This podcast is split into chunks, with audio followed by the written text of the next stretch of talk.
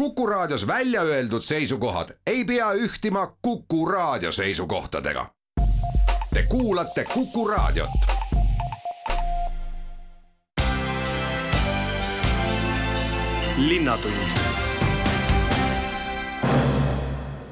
tere täna jagame teile teavet selle kohta, mida kujutab endast Tartu vesinikuorg ja millised sammud linnavõim on ses osas plaaninud, kellega koostööd teha. siis räägime ringrenoveerimise projektist, Nõlvaku uuest hooldekodust ja ka teistest selle valdkonna võimalustest, mis eakamatele inimestele mõeldud. juhatame teid rahvusvahelisele puhkpillifestivalile Tartu Rahvaülikooli ja ka Ihaste päevale. jutte juhib Madis Ligi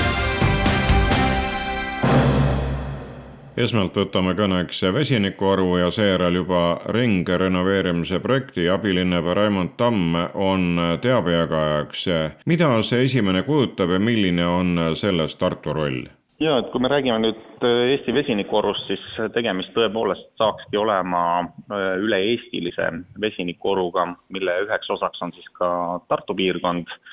et, et see on üsna ainulaadne lähenemine, et sellist äh, niivõrd regionaalset mastaapset äh, ettevõtmist, et üks riik on tervenisti nüüd vesinikuorg, et sellist asja tegelikult täna ka maailmas veel ei ole. ja, ja me tõesti näeme, et, äh, et noh, arvestades üldse meie energiamajanduse olukorda, et kui keeruline tegelikult see olukord on ja kuidas saavutada järjest rohkemal määral energiasõltumatus, et kuidas jõuda selleni, et tõesti kohalik energia, kohalik taastuvenergia järjest rohkem kanda kinnitaks äh, ja, ja teisalt siis vaadeldes ja arvestades vesiniku potentsiaaliga nii energiakandjana kui ka energia salvestamise võimalusena, et siis neid otsi kokku viies äh, ongi väga selgelt aru saada, et, et, et vesiniku teemadega tuleb tegeleda. tõsi, Eestis on äh, täna see olukord veel üsna lapsekingades, et ei ole meil ju ühtegi arvestatavat ei, ei vesiniku tootmise mahtu, ei ole tarbimise mahtu, on ju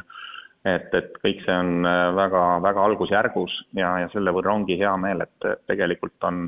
tugevad partnerid nii avalikust sektorist kui erasektorist äh, nüüd oma mõtteid koondamas ja, ja seljad kokku pannud,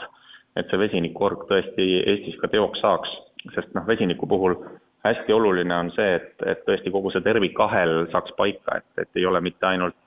see, et toodetakse ja pärast ei tea, kus seda tarbida, vaid, vaid et oleks just äh, tootmisest tarbimiseni kõik need ahelalülid väga hästi paigas ja läbi mõeldud ja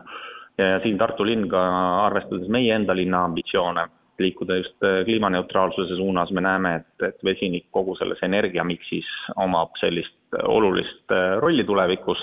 et loomulikult äh, ei, ei ole vesinik nüüd ainus energiakandja, mis, mis tulevikku vaadates Äh, nii-öelda siis äh, olema, olema saab, et, et see on ikkagi üks äh, osa sellest mitmekesisest tervikust,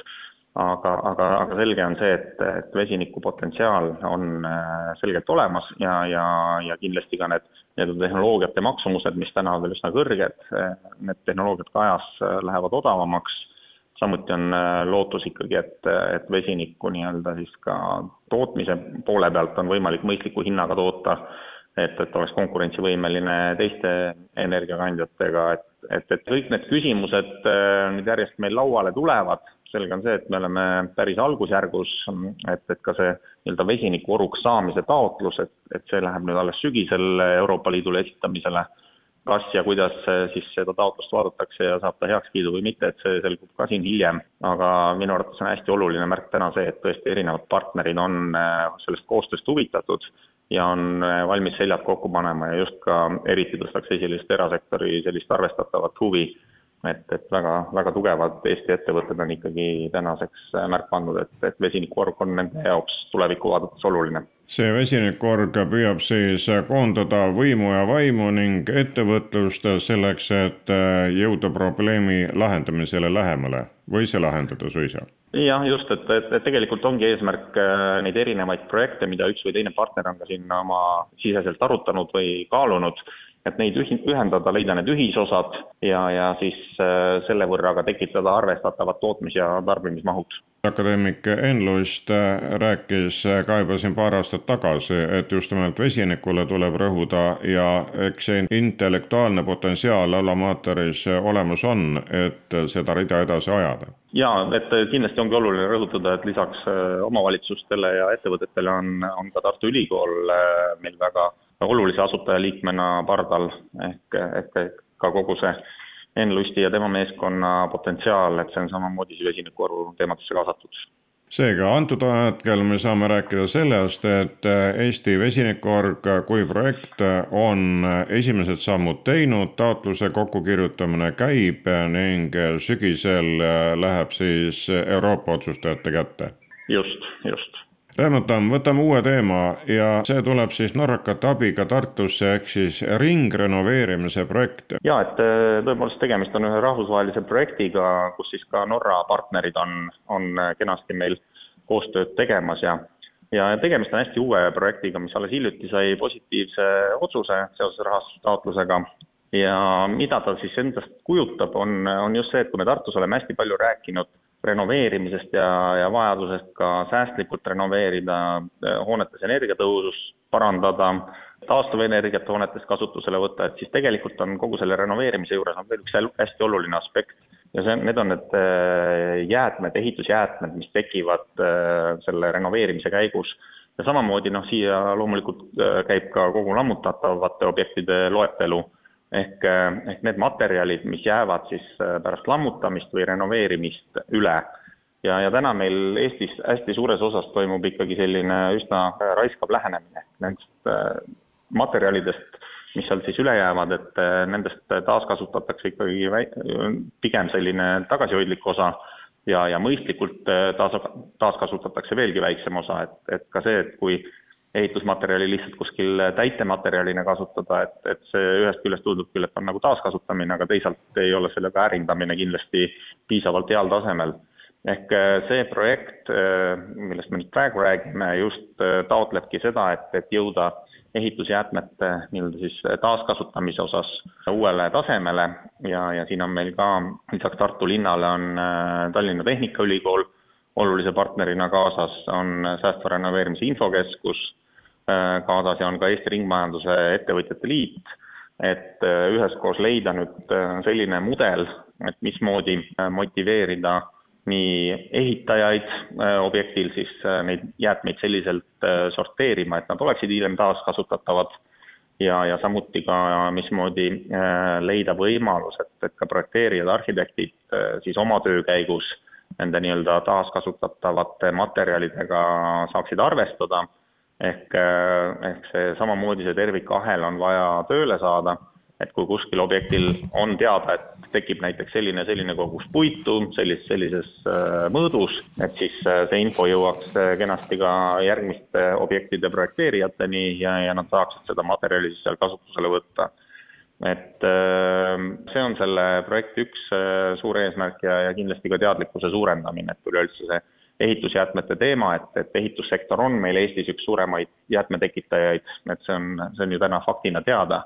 aga, aga jah, et äh, ma arvan, et enamus inimestest äh, ei ole endale seda probleemi selliselt teadvustanud, ehk äh, ka see teadlikkuse suurendamine kindlasti on, on oluline Teil oli just ka seda projekti tutvustav seminar, kes olid kuulamas? tegelikult meil olidki seal kohapeal just nimelt need partnerid, kes, kes koostöös hakkavad seda projekti ellu viima, ehk needsamad, keda ma nimetasin, et Tartu linn, Tallinna Tehnikaülikool, Eesti Ringmajanduse Ettevõtjate Liit, Säästva Renoveerimise Infokeskus. et need on need, kes on Eesti tegevuste osas partnerid ja üheskoos siis arutasimegi, et kui projekt nüüd hiljuti sai raha, rahalises mõttes heakskiidu, et kuidas, kuidas seda projekti täpsemalt hakata siin kohapeal ellu viima. ja, ja loomulikult on siin ühisosa äh, ka meie linna enda hoonetega, et, et oli, oli meil loomulikult ka meie enda linnavarade osakonna esindaja laua taga, et kui ka Tartu linnal lähevad kas hoonede renoveerimisele või, või on äh, mõne hoone lammutamine käimas, et, et, et kuidas ka neid materjale sealt siis oleks võimalik äh, mõistlikult ringlusesse äh, suunata või taaskasutamisele siis suunata. iga projekt on ju mingisuguse ajavahemiku peale, mis äh, on selle projekti kestvus? selle projekti ametlik algus on siis esimene september sellel aastal ja kestab projekt kuni kahekümne üheksanda veebruarini kaks tuhat kakskümmend neli. ehk siis ta on selline ligikaudu pooleteiseaastane projekt ja, ja noh, loomulikult äh, lootus on see, et, et, et projektis tekib selline jätkusuutlik äh, ehitusjäätmete siis ringlusse võtmise mudel, taaskasutamise mudel, mis siis loomulikult kestaks edasi ja edasi. linnatund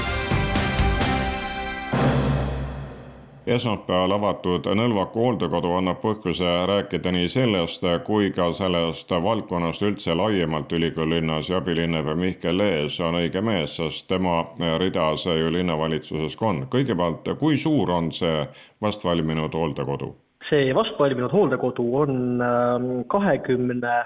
kohaline, seal on siis ühekohalised toad, kahekohalised toad ja võiks öelda, et, et, et tema on äh, kindlasti Tartus, aga ma arvan, et ka terves Eestis üks selliseid kodusemaid ja kaasaegsemaid äh, hooldekodusid, äh, kuhu siis tartlastel on võimalik kas siis ise hooldekoduteenust vajades kodu lähedale siis, siis hooldekodukoht saada ja, ja eks on see kahtlemata mugavam võimalus äh, ka lähedaste jaoks, äh, kellest arvatavasti paljud praegu peavad siis enda hooldusel olevat äh, sugulast käima Tartust kaugemal vaatamas. pealegi on ta väga kättesaadava koha peal, kohe linna piiril, Räpina maantee alguses. jaa, ta on väga kättesaadava koha peal ja lisaks sellele ma ütleks, et ta on ka kena koha peal, et, et, et on ju kenasti korda tehtud ka siis selle hooldekodu ümbrus ja lisaks äh, seda rohelust, äh, mis seal ümber on, on ka täiesti kena vaadata. ega ei ole ju nüüd Nõlvaku kodu äh, sellel sügisel ainuke rõõmustav uus hooldekodu, et on ju avatamas kohe-kohe ka mm, suur eluringikeskus, kuhu siis kokku tuleb üle saja kolmekümne hooldekodukoha ja, ja seal on ju ka siis, siis keskuse tegijad plaaninud säilitada ka lasteaia funktsiooni, nii et nagu nimigi ütleb, et, et tõsine selline eluring seal siis, seal siis ühes nii-öelda keskuses kokku saab. kui palju see Nõlvaku hooldekodu nüüd järjekorda kahandab? Nõlvaku hooldekodusse on plaanitud kõige suurema hooldusvajadusega inimesed nii et, et, et see kakskümmend kohta ikkagi väga tublisti kaasa aitab. Et kui me räägime üldse äh, ööpäevaringsest hooldusteenusest ja, ja, ja kui palju me siis seda väljaspoolt Tartut ostame, siis äh, me tegelikult äh, ostame ju, ju Tartu inimestele hooldekoduteenust praegu isegi kokku kolmekümne kuuelt hooldekodult üle terve Eesti ja suurusjärgus saja viiekümnele tartlasele nii et kui me nüüd mõtleme, et meil tuleb siis Nõlvaku hooldekodus juurde kakskümmend kohta. Äh, eluringikeskuses tuleb juurde äh, sada kolmkümmend kohta ja natukene rohkemgi, siis äh, väga tublisti peaks see kahandama nii-öelda siis Tartu linna piires olevate hooldekodukohtade järjekorda. inimestel peaks olema võimalik palju suuremas hulgas siis, siis väärikalt vananeda just nimelt enda kodulinnas kas selles Nõlvaku hooldekodus on veel vabu kohti või kõik on juba käigus?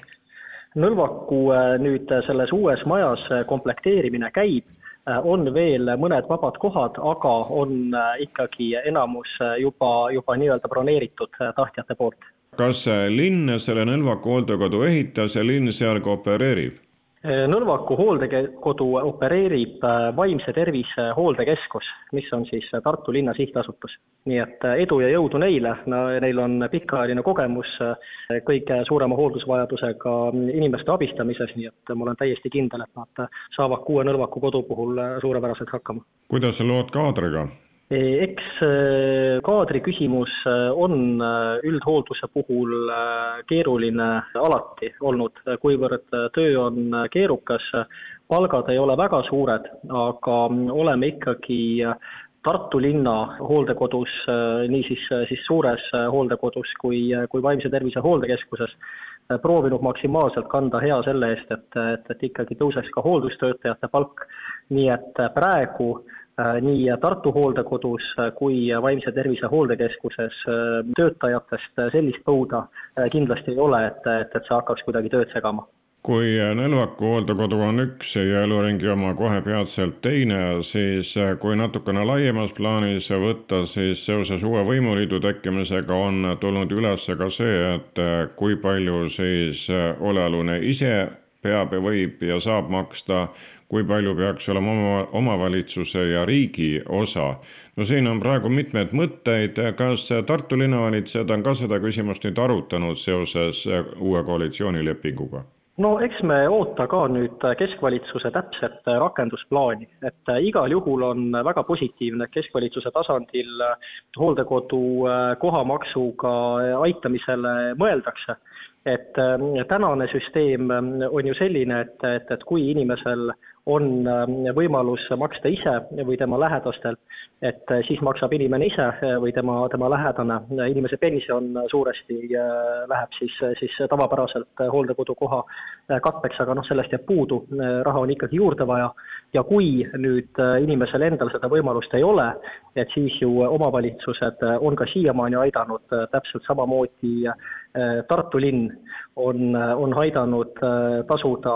inimeste hooldekodukoha arveid nii Tartus kui siis ka nende inimeste puhul, kes kes on hooldekodukoha leidnud kuskilt kaugemalt. aga selge on, et, et, et nii inimeste enda, nii lähedaste kui kohaliku omavalitsuse jaoks see on suur koorem ja riigilt mis iganes vormis leevendus ja täiendav raha, et inimesed saaksid siis, siis selle hooldekodukoha võimalikult ikkagi taskukohase hinnaga, on, on igati tervitatav. linnatund üheks Tartu traditsiooniliseks suveürituseks on olnud rahvusvaheline puhkpillimuusikafestival Mürtsu Pill, kui olud vähegi võimaldavad ja seekord on siis kuueteistkümnes tulemas või täpsemalt juba tulnud, sest eile õhtul alustasid orkestrid ja kuni pühapäeva õhtuni saab mitmel pool ülikoolilinnas nende mängu nautida. üldjuht Margus Kasemaa on meile ka infot jagamas. kes siis festivali otsa lahti tegid? tere tulemast kuulama, üles astuvad päris paljud muusikud meilt ja mujalt ja äh, vaatasin siis üle, et osalejaid on kümnest riigist. Esimene kontsert ja seal esineb kontsert Windband Privat Music School Mako, see on Ungari suur sümfooniline puhkpilliorkester ja juhatab äh, dirigent on äh, doktor Josef Tšikota, Ungari üks üks parimaid puhkpillidirigente ja ka muideks Maailma Orkestrite Assotsiatsiooni üks asepresident. Kas äh, see Ungari orkester äh, tuleb rahva ette veel või sõidab juba järgmisele üritusele? esinevad nad äh, veel kord pisut teise kavaga neljapäeval kell seitse, aga enne neid on kell kuus Rene Lauri festivali trio, mille koosseis on Rene Laur, Aigas Raumanis Lätist, Läti tipptaks-, noor tippsaksofonist ja meie suurepärane noor pianist Joonatan Jürgenson Need kaks kontserti toimuvad Eesti Rahva Muuseumis ja reedel, laupäeval, pühapäeval oleme meie oma festivali lavaga Tartu Raekoja platsil purskkaevu kõrval. Vaatame nüüd üle ka reedese programmi ja laupäeva. kes siis äh, publiku ette tulevad? reedel on kella viiest Emeriitbrass, seejärel puhkpilliorkester Forte, seejärel on Itaalia orkester Skyriders, Italian bänd, seejärel Leedust Wind Orchestra Kivartai, suur suur sümfooniline noorte puhkpilliorkester seitsmekümne kuue muusikuga. seejärel on au esineda puhkpilliorkester Tartuga ja võrratu Airi Alvega ja õhtu lõpetab ansambel Estraadi raadio oma parimas rivistuses. laupäeval algab meie tegevus juba kolmteist nelikümmend viis ja kestab õhtuni välja. Ja riburada mööda siin esinevad festivali saksofoniorkester, Kunda linnaorkester, Pärnu noorte puhkpilliorkester, puhkpilliorkester Saku. Seejärel kaheksateist viisteist kuni üheksateist viisteist esineb festivali sümfooniline puhkpilliorkester ja seal on nüüd juba väga põnevad külalisdirigendid. Volodõmõr Runtšak Ukrainast, mees, kes on sõjapaos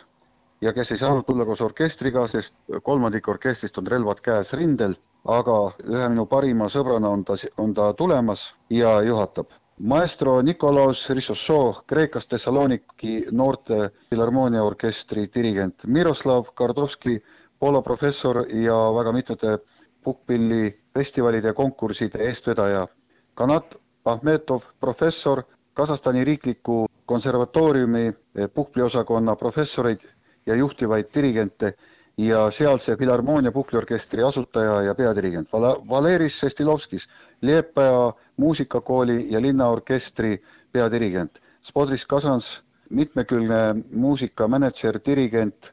Rahvusvahelise Akordioni Liidu president, meie Rahvusvahelise puhkpillidirigentide ühingu president, Artur Mašulevis, Läti üks kuulsamaid tromboone ja dirigente ja ah,, ja unustasin öelda, et Maestro Sportis Kasans on ka noorte rahvusvahelise puhkpillimängijate ja lõhpillimängijate konkursi Windstari eestvedaja ja peaorganisaator. härra Darius Legion Poolast, väga mitmekülgne muusik, dirigent, korraldaja, produtsent. Kaido Kivi Eestist, Pärnu dirigent ja Eesti Puhkpillimuusika, muusikaühingu eestvedaja Priit Sonn, meie Tartu juhtiv puhkpilliõpetaja ja kui hästi läheb, siis mahun ka mina lavale. peale seda tuleb suur Leedu orkester lavale ja peale seda Läti üks parimaid puhkpilliorkestreid Horisonts, siis on taas itaallased ja õhtu lõpetab Kaitseliidu Pärnumaa malevaorkester Sakson koos solistidega Peeter Kaljumäe, Artur Raidmets, Aare Kodasmaa ja võrratu Kelly Uustoni. pühapäeval on siis viimane päev? jaa ja alustavad juba hommikukontserdiga kümme viisteist Itaalia orkestrid, nemad on pärit Napolist, Skyriders Italian bänd. peale seda on Kaitseliidu Tallinna malevaorkester kontsertrivistuses, Pärnu noorte puhkliorkester maestro Rein Vendlaga, Väike-Maarja pasunakoor, Wind Ogre, Windband Ogre Horisonts, Wind Orchestra Kibartai Leedust, puhkliorkester Saku peadirigent Arvi Miidoga,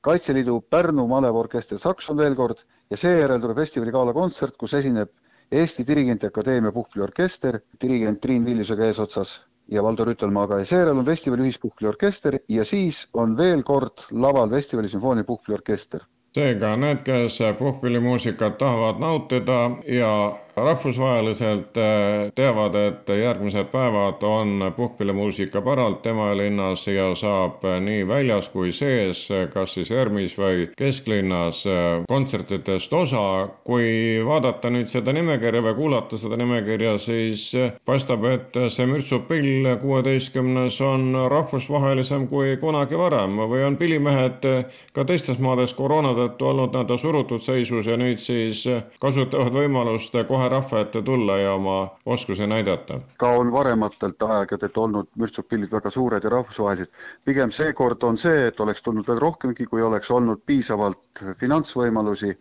ja tõsi see on, et äh, sõjakoledused ja viirus segab meid, aga seda enam me tuleme kokku, äh, see on meie sõprus, see on meie kultuur ja ärgem unustagem, et äh, siinsamas Tartus ja siinsamas Eestimaal algas Eestimaa kujunemine riigiks just nimelt koos meeskooride ja puhkpilliorkestritega. nii et äh, meie ülesanne on seda hoida ja edasi viia, nii nagu me oskame ja suudame seega nii Tartu kui teised orkestrid mitmelt maalt äh, on kuni pühapäevani siis äh, puhumas pilli ja rahvale oma mängulusti pakkumas, esinemisi pakkumas. kõik see on loomulikult tasuta. see on ka veel seekord tasuta, tulge, tulge, igal õhtul saab ka tantsida, kindlasti on, mida kuulata. nii et tere tulemast kõigile! linnatund keeled, kunst, tarbekunst, sisekujundus, tervise, ilu, tekstiil ning käsitöö, kodu ja köök ja koduloomad. see on siis valdkondade kaupa nimekiri Rahvaülikooli uutest võimalustest, millest nad sel nädalal teada andsid, et enam kui kakssada koolitust on avatud. kommunikatsioonijuht Aksel Lõbu, millised grupid on hakanud juba täituma? täituma on hakanud esimesed kokanduse grupid siis on äh, näiteks tervisevõimeline seenioridele on juba täis ja muus vaatame järk-järgult, kuidas inimesi juurde tuleb, mida on alati rõõm näha kui vaadata nüüd Rahvaülikooli eh, õppeaastaid, siis eh, mis alad eh, on traditsioonilised, kuhu alati rahvas tahab tulla end täiendama, õppima ja kui palju te peate siis uuendama, mida aeg nõuab? uuendamise osas on meil tegelikkuses ka see sisemine põhimõte, et me üritame igasse valdkonda ikkagi iga aasta midagi uut tuua mis siis sellised püsivad täitvamad kohad on, on ikkagi keeled on kunst, eriti teatud tarbekunst, teatud liikumisgrupid äh, läbi aastate ikka on populaarsed, nüüd siin äh, viimastel aastatel järjest on olnud populaarne sisekujundus just ja, ja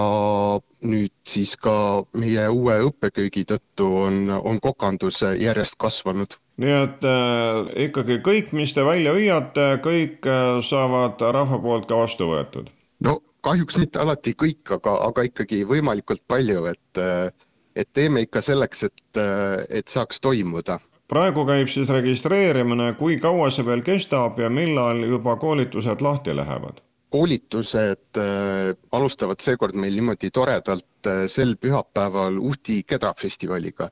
mille raames me peame ka oma suvekooli. et seal on siis äh, meie õpitoad, kus saab teha moka diffusion, keraamikat äh,, looduslikust materjalist äh, lilleseadeid, akvarellmaali ja joonistamist äh, proovida. et selline tore loovoskustele pühendatud üritus. ja koolitustega lähme ikka välja jõuludeni selle semestriga ja registreerumine on, on läbi semestri, aga kõik, kes on huvitatud näiteks keelte õppimisest, et siis on praegu täitsa paras aeg vaadata endale välja, sest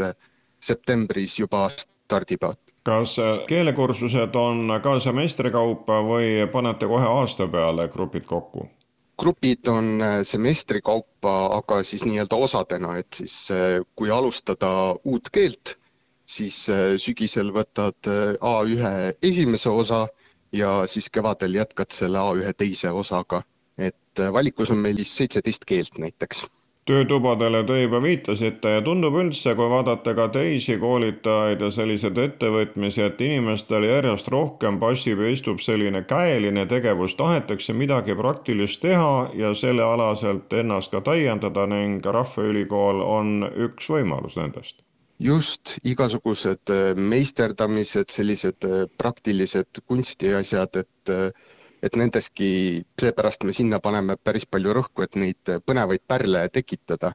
et äh, Jaapan on äh, kunsti puhul äh, see sügis paari pärlitooja, et toimub näiteks manga joonistamine ja toimub ka kintsugi ehk Jaapani iidne paranduskunst, võib-olla aianduse poole pealt, et vitstest korvi punumine, et selline käeline tegevus esiteks saad midagi praktilist endal teha, sinna juurde selle praktilise oskuse ja, ja teiseks äh, saad ka tegelikkuses äh, sellist äh, enesemaandust ja eneseteostust kuid igasugune koolitamine on ka töö, kui palju tuleb inimestel välja käia, kui nad tahavad saada uusi oskusi, teadmisi Tartu Rahvaülikoolis? hinnad on, on väga erinevad, et hind sõltub äh,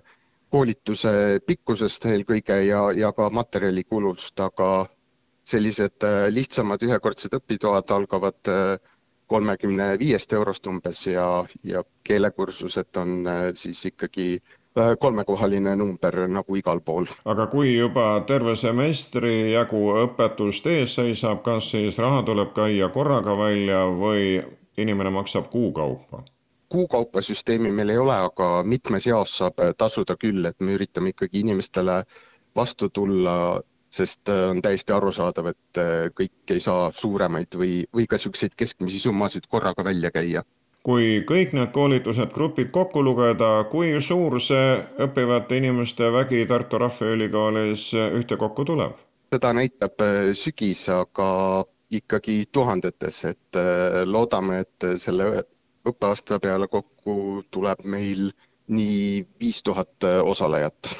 Kuid olgu siis korratud, et äh, uue semestri koolitused ja registreerimised äh, on lahti läinud, nii et kel on huvi end täiendada, see löögu lahti Tartu Rahvaülikooli koduleht ja saab sealt juba täpsema informatsiooni jälje üles, et kuidas siis ennast kuhu kirja panna, millised grupid on täis, kus on veel vabu kohti, kus tuleb oodata nende järgmist semestrit, kus saab kohe löögile. Just, ja kui ka on olukord, kus, kus on kohad täis, siis tasub ennast ikka kirja panna, sest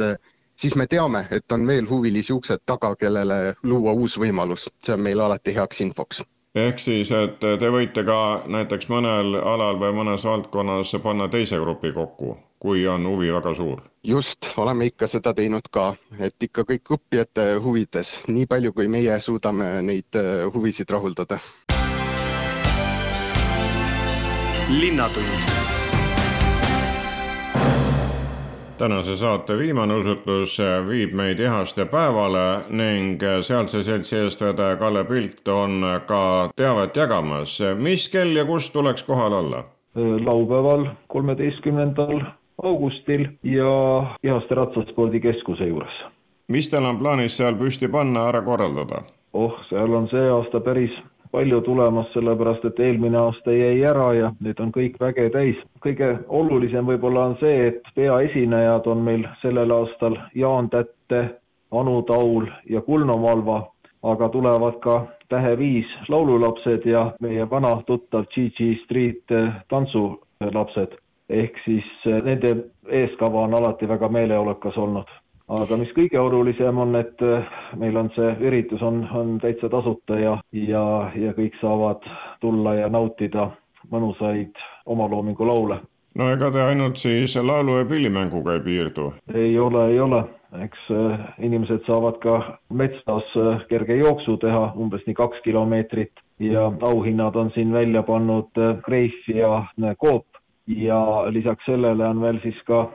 rogaing või selline linna orienteerumisvõistlus.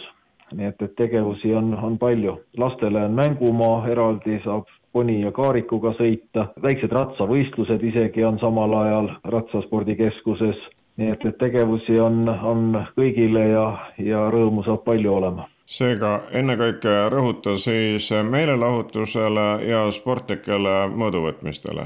Nojah, eks väikene laot on ka ikka asja juures. ehk siis äh, seal müüakse igasugu sügisande ja, ja äh, küpsetisi ja hoidiseid, istikuid, äh, siin mitu istikumüüjat on tulemas. noh, kõik, mis on ihaste, on selline roheline linnaosa,